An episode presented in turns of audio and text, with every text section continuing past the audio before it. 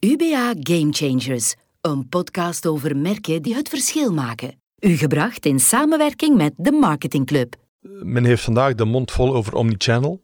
Dus de retailer van de toekomst is de omnichannel retailer. Dat is dus de retailer die in slaagt van zijn, zijn klant centraal te zetten en de klant dan maximaal te bedienen, zij het online, offline. Dat is gemakkelijker gezegd dan gedaan. Hallo, ik ben Wouter Torfs. Ik ben de CEO van Schoenen Torfs. Dag Wouter. Dag Sam. Laten we starten met de meest eenvoudige vraag. Wie is Wouter Torfs? Wat heb je gedaan in je carrière?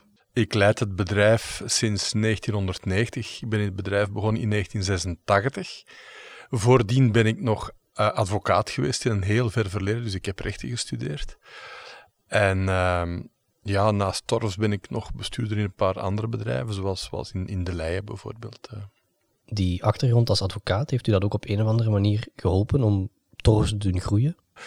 Ik denk dat um, de opleiding rechten en nadien stage aan de balie een heel brede opleiding is, die je leert met een brede kijk naar uitdagingen te kijken die je natuurlijk wel wat voorbereidt op, op het lezen van een contract, maar, maar, maar maak je geen illusies, 30 jaar later laat je het dan beter over aan echte specialisten in plaats van te vertrouwen op je recht een diploma van 1980 of zoiets.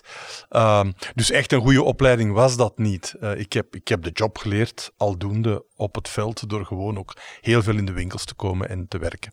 Je bent CEO van Schoenen Torfs. Zou je kunnen toelichten in een paar zinnen wat de missie en de visie is van Schoenen Torfs? Wel, de missie van Torfs luidt: wij willen mensen sterk in hun schoenen zetten. Dus zowel klanten als medewerkers of ook andere stakeholders, zoals leveranciers. Wij willen die sterk in hun schoenen zetten. Dus wij willen door onze bedrijfsvoering bijdragen aan het zelfvertrouwen van onze stakeholders, aan hun uh, empowerment, dat ze, dat ze krachtig en zelfzeker voor de dag komen. Voor een klant is dat evident. Als een, als een dame de juiste schoenen draagt en dat gevoel heeft, voelt ze zichzelf zeker.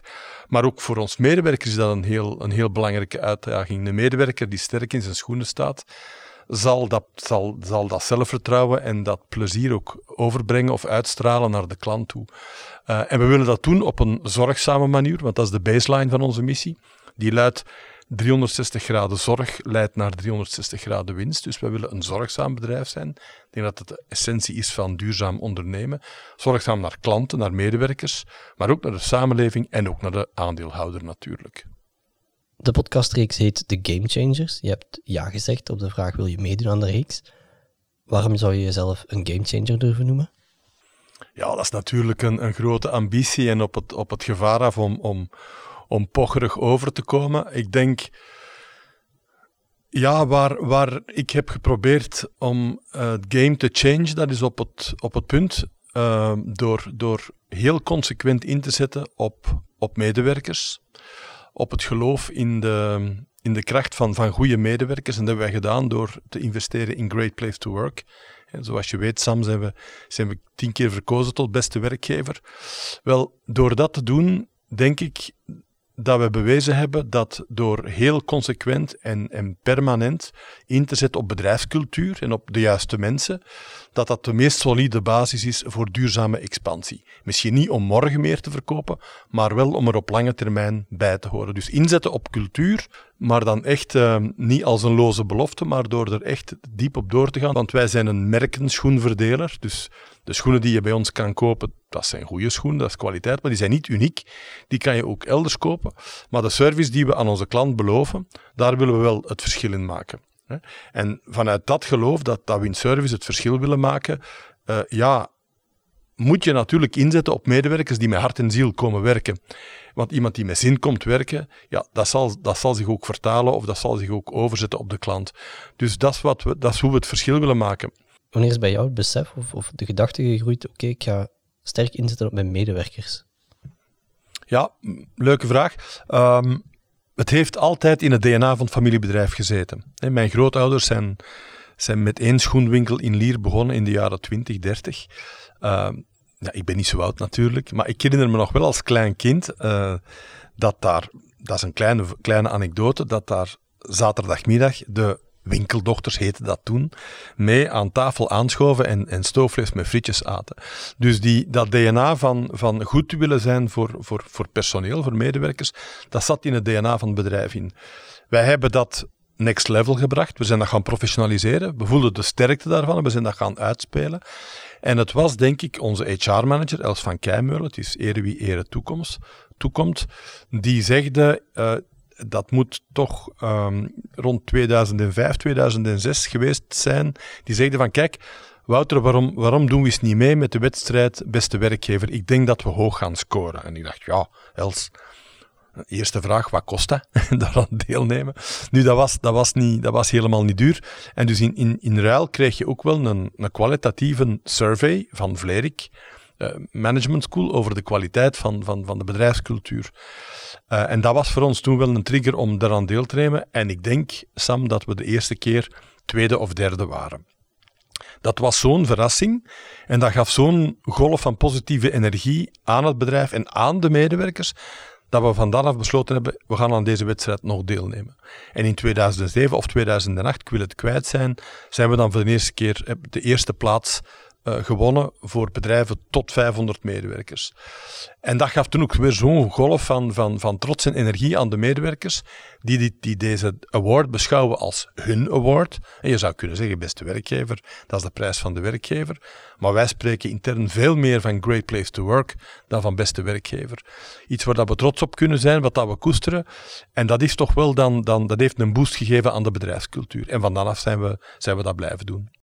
Een heel goede service is uiteraard iets waarvoor dat mensen naar de winkel komen. En je kan dat ook claimen.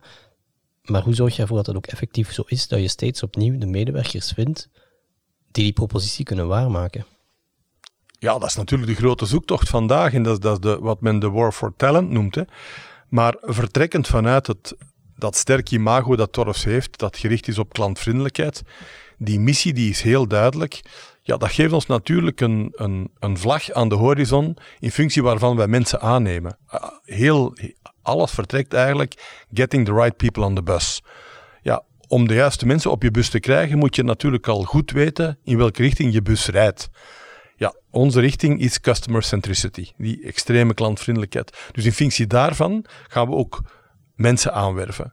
Um, en, en dat, dat maakt al het verschil. Het, het, gaat er niet om van zomaar handen te hebben, de box moving, die, die in de winkel de dozen over de, over de toonbank schuiven. Nee, het gaat over mensen die echt die, die, die, die een extra mile willen gaan. Iemand start bij jullie, hè?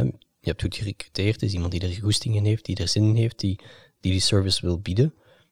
Maar die moet dat natuurlijk ook jarenlang blijven doen. Hoe kan je ervoor zorgen dat hij dat nooit vergeet, hoe belangrijk die service is en, en dat hij steeds opnieuw die uitstekende service kan blijven bieden. Ja, dat is natuurlijk de grote uitdaging.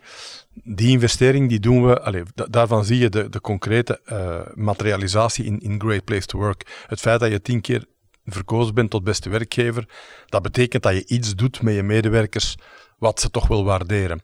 Dus komt erop aan van medewerkers voortdurend te blijven prikkelen, uh, opleiden, stimuleren hun talenten ontwikkelen, dat ze er toch altijd zin in blijven hebben om die een extra mile voor het merk te gaan. Ik heb er een boek over geschreven, Werken met hart en ziel. Dat gaat 300 bladzijden over, over dat thema, van iedereen vraagt dat, hoe doe je dat, uh, beste werkgever worden, wat zijn daar de tips en de tricks van? Ja, er is niet enig, niet, niet één zaligmakende tip natuurlijk. Het is zoals de vraag stellen, was het geheim van een goede relatie? als het zo simpel was, dan waren er natuurlijk alleen maar goede relaties. Idem met, met, met, klantvriendelijkheid. Het is dus eigenlijk een kwestie van voortdurende focus en aandacht op dat thema. De juiste mensen op je bus hebben en die mensen dan voortdurend aanmoedigen, prikkelen, ondersteunen. Um, leiderschap is een heel belangrijke factor daarin. Um, ik, ik, zeg altijd, het is een beetje provocatief, maar je moet je mensen graag zien. Als je als, als, baas je medewerkers niet graag ziet, moet je echt de vraag stellen van wat is er verkeerd en, en ook dat, dat die kwaliteit van leiderschap, die veel meer gericht is op aanmoedigen, ondersteunen, belonen dan op, dan op controleren en, en, en, en bestraffen. Ik denk dat dat een heel belangrijke factor is. Wat is volgens jou nu op dit moment de grootste marketinguitdaging waar dat Schoenentorfs voor staat? Ja, ik denk dat de grootste marketinguitdaging, dat misschien niet, communicatieuitdaging, maar marketing in de zin van hoe ga ik de markt benaderen. van Torfs, en niet alleen van Torfs, erin bestaat, dat is uh, met alle onzekerheid die er op ons afkomt, um, wat is de juiste balance tussen on- en offline? Uh, we hebben natuurlijk gemerkt dat de, dat de webshop een boost heeft gekend. Geen omzet maal 3 maal 4, maar toch, toch 30, 40, 50 procent meer. Uh, wat we vandaag merken is dat, er, dat, dat omzetresultaten absoluut achterblijven in high streets en in uh, shoppingcentra. De Meer of, of uh, Weinigem shoppingcentra, daar, daar leiden wij en ik denk ook de collega's omzetverlies. Ja, ik moet er geen tekening bij maken dat dan de rekening op het einde van het jaar niet meer klopt met de huren die je daar betaalt.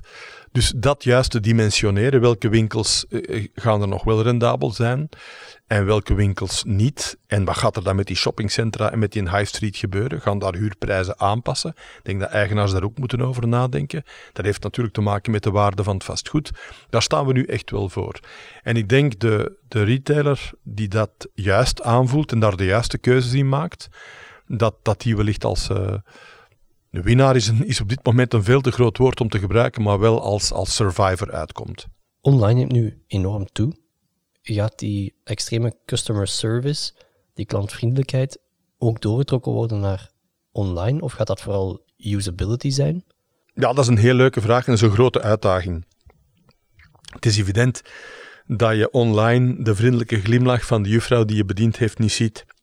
Of de, de hartelijke goeiemorgen of de eye over, over, over de krullenbol van, van je dochtertje. Ja, dat, dat, dat kan allemaal online niet. Maar we geloven toch dat die look en feel van offline, van wat er in de winkels gebeurt, dat we dat op een of andere manier ook online kunnen vertalen.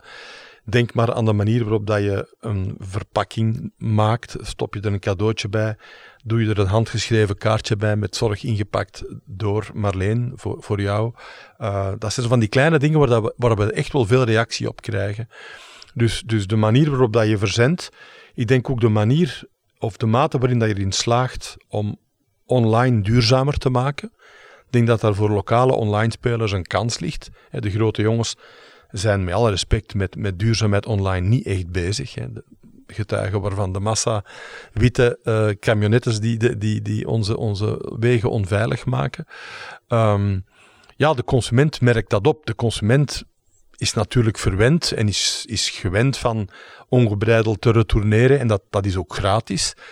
Maar ik denk dat een online speler die erin slaagt om, om dat voor een stuk te verduurzamen en bijvoorbeeld dan concreet die retours kan terugdringen door beter maatadvies te geven, door betere informatie te geven, dat hij toch wel een streepje voor heeft door dat duurzaam karakter te beïnvloeden. Last mile delivery wordt daar een heel belangrijke factor in wie erin slaagt om bijvoorbeeld, als stel dat we onze eigen medewerkers daarvoor zouden kunnen inzetten, stel dat we de fiets meer zouden kunnen, kunnen, kunnen, kunnen stimuleren, stel dat we mensen die elke dag gewoon werkverkeer, die initiatieven bestaan, zouden kunnen stimuleren om een pakje mee te nemen. Ik denk dat er daar nog veel ruimte voor creativiteit is.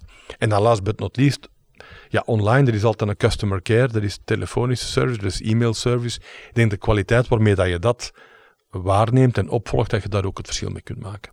Ja, dus naarmate dat alles nu naar online verschuift, ga je kijken wat zijn daar de touchpoints en hoe kan ik mijn medewerkers daar dan inzetten. Ja, en, en hoe zal ik dan ervoor zorgen dat die touchpoints maximaal de kwaliteit van de customer centricity van de winkels evenaart? Als je zegt, ja, ik kies voor die touchpoints, kies ik een callcenter dat, dat nu de telefoon voor Torfs opneemt en nadien voor, voor Opel en nadien voor, voor de NMBS, ja, dan kan je van die mensen van dat callcenter niet verwachten dat dat met de look en feel van Torfs gebeurt. Dus daarom kiezen wij nog altijd echt voor eigen mensen.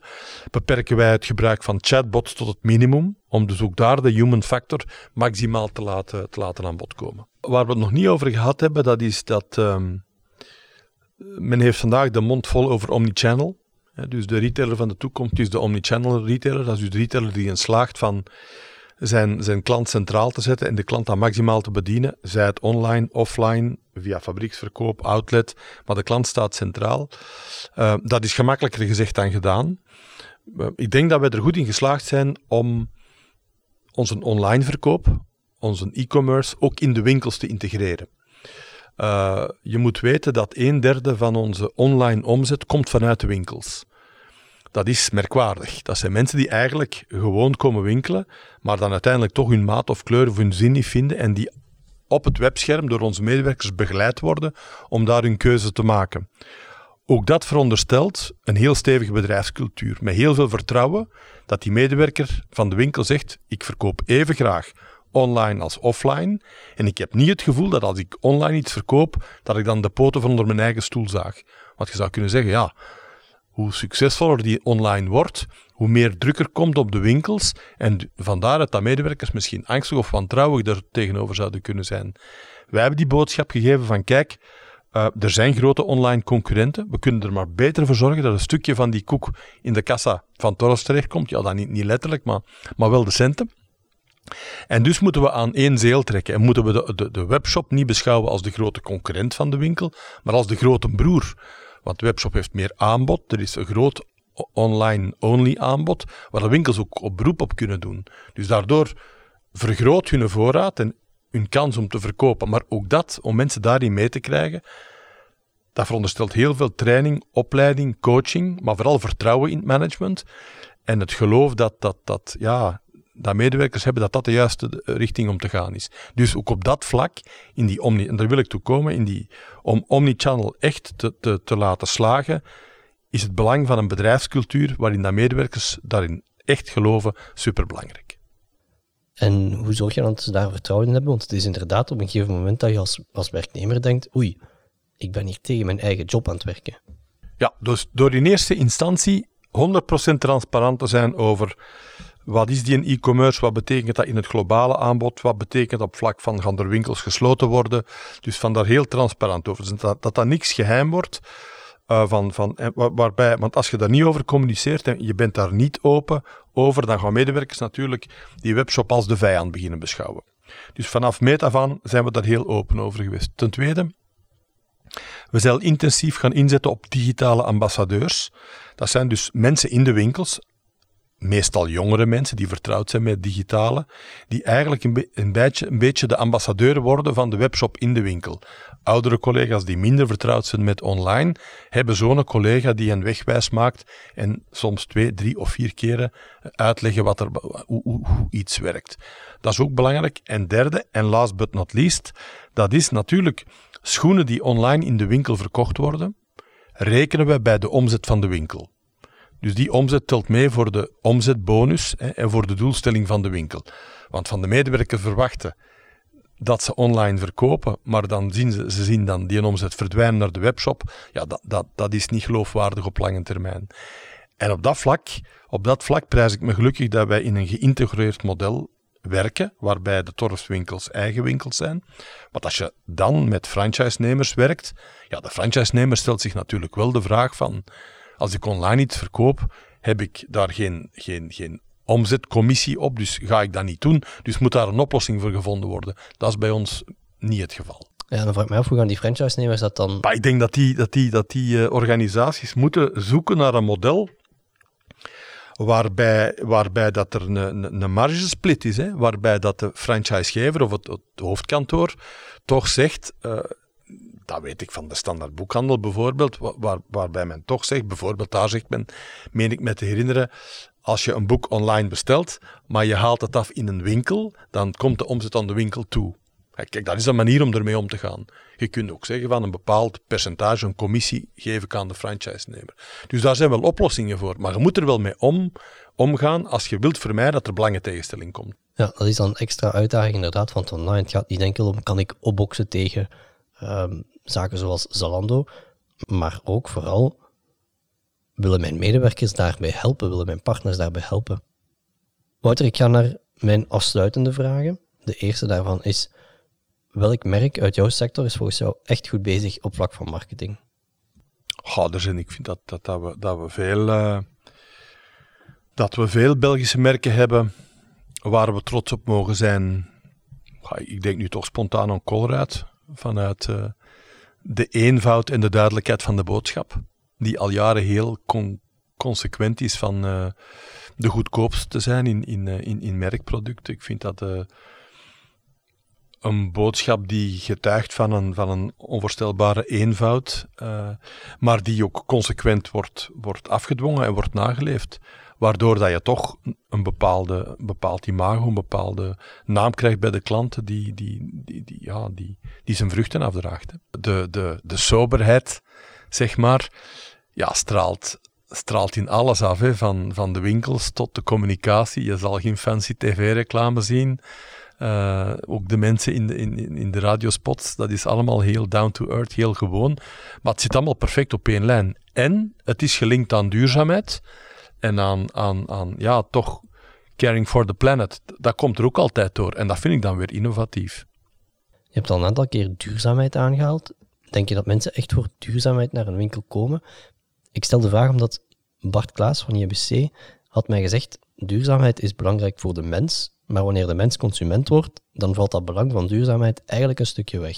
Ik ken die quote van Bart. Eh, dat is, hij maakt een verschil, een onderscheid tussen de, de klant en de, en de burger, de politiek correcte burger. De politiek correcte burger is natuurlijk tegen kinderarbeid en uiteraard en tegen uitbuiting, maar staat dan dapper aan te schuiven bij heel goedkope winkel uh, waarvan de, de naam MP begint uh, en koopt daar dan uh, een t-shirt voor 2 of voor 3 euro. Ja, hij heeft gelijk, hè. daar, daar is een discrepantie. Dus ik zou een naïveling zijn door te zeggen, als ik zou zeggen van dat klanten puur op duurzaamheid kopen. Die klanten zijn er natuurlijk wel. En gelukkig maar. Hè. Maar dat is absoluut een kleine minderheid. Maar dat het aspect duurzaamheid en de vraag is hoe dat je dat juist invult, hè, Sam.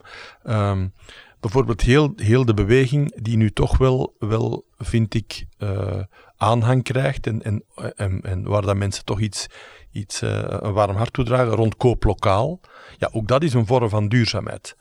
Uh, de vraag is dus hoe dat je duurzaamheid invult. En ik merk toch wel dat dat argument van duurzaamheid, als dat echt consequent en duidelijk en concreet wordt gemaakt naar de klant, dat dat toch meer en meer mensen wel aanspreekt. Het is misschien niet de factor en je kunt je daarom niet permitteren van 20% duurder te zijn, natuurlijk niet.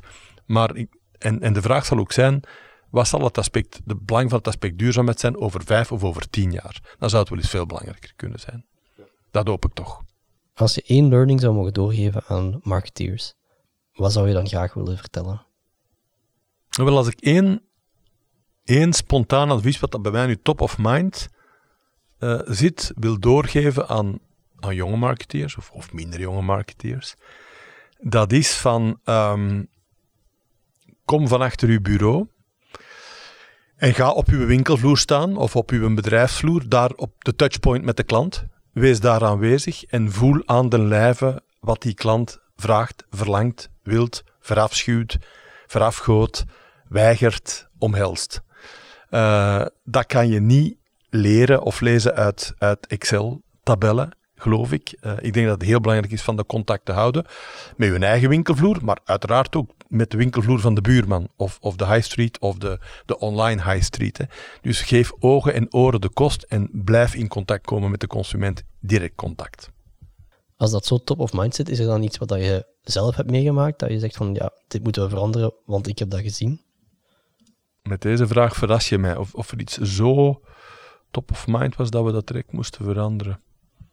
Ja, kleine zaken natuurlijk wel. Als, als, als je ziet dat uh, een concurrent met, met, de solde begonnen is en we lopen nog twee dagen achter, ja, dat ga je vaak ook te laat opmerken. Hè? Dat, je, dat je dan direct uh, zaken aan, aanpast. Dat, dat lijkt me zo'n evident voorbeeld te zijn. Nooit iets aangepast in uw winkel of uw winkelconcept, omdat je merkt, oké, de klant vraagt hier echt om? Ah ja, wat, wat ik nu bijvoorbeeld aan denk, dat is ik heb jaren, maar dat is, dat is intern bij ons een, stukje een strijd gevoerd. Er is een tijd uh, mode geweest dat, dat we voor in, de kinderverkoop en voor kinderen uh, ja, schermen voorzagen.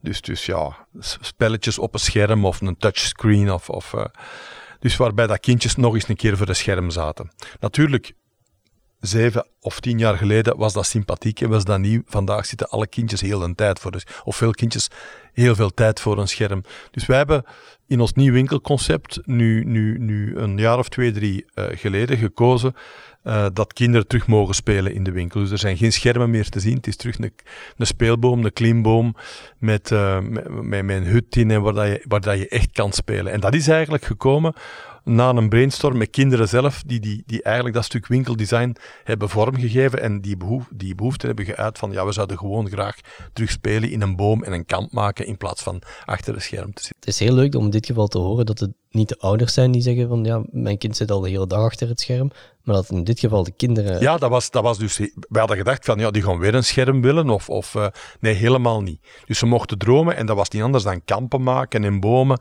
en buiten en in het bos. En we hebben dat proberen te materialiseren. En dat is, dat is, dat is zalig. Je krijgt kinderen dan niet meer weg. Dat was mijn laatste vraag. Het enige wat dat ik uh, nog kan doen is u bedanken voor de tijd die je hebt vrijgemaakt. Merci, Wouter, om tot hier te komen. Dat is heel graag gedaan, Sam. Het waren leuke vragen.